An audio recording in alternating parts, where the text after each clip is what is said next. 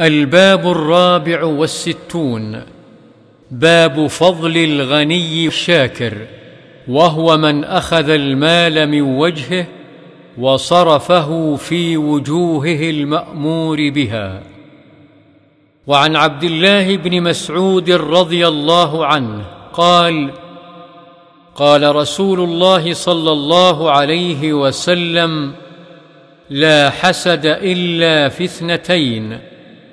رجل آتاه الله مالا فسلطه على هلكته في الحق ورجل آتاه الله حكمة فهو يقضي بها ويعلمها. متفق عليه. وتقدم شرحه قريبا.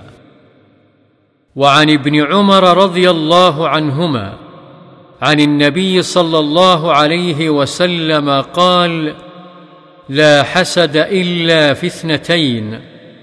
رجل آتاه الله القرآن فهو يقوم به آناء الليل وآناء النهار. ورجل آتاه الله مالا فهو ينفقه آناء الليل وآناء النهار. متفق عليه. الآناء الساعات.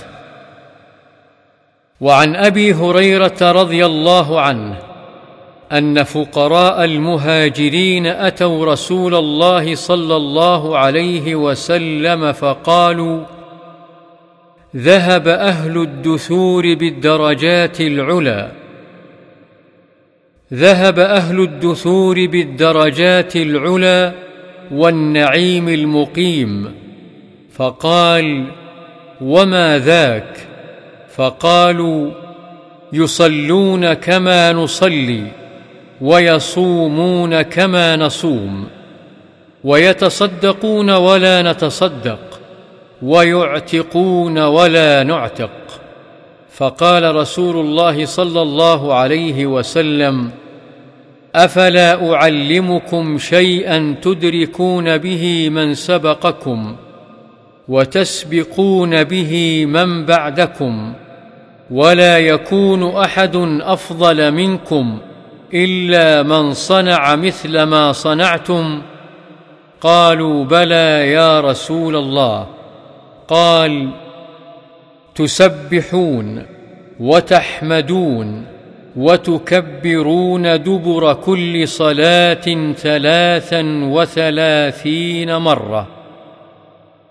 فرجع فقراء المهاجرين إلى رسول الله صلى الله عليه وسلم فقالوا سمع إخواننا أهل الأموال بما فعلنا ففعلوا مثله.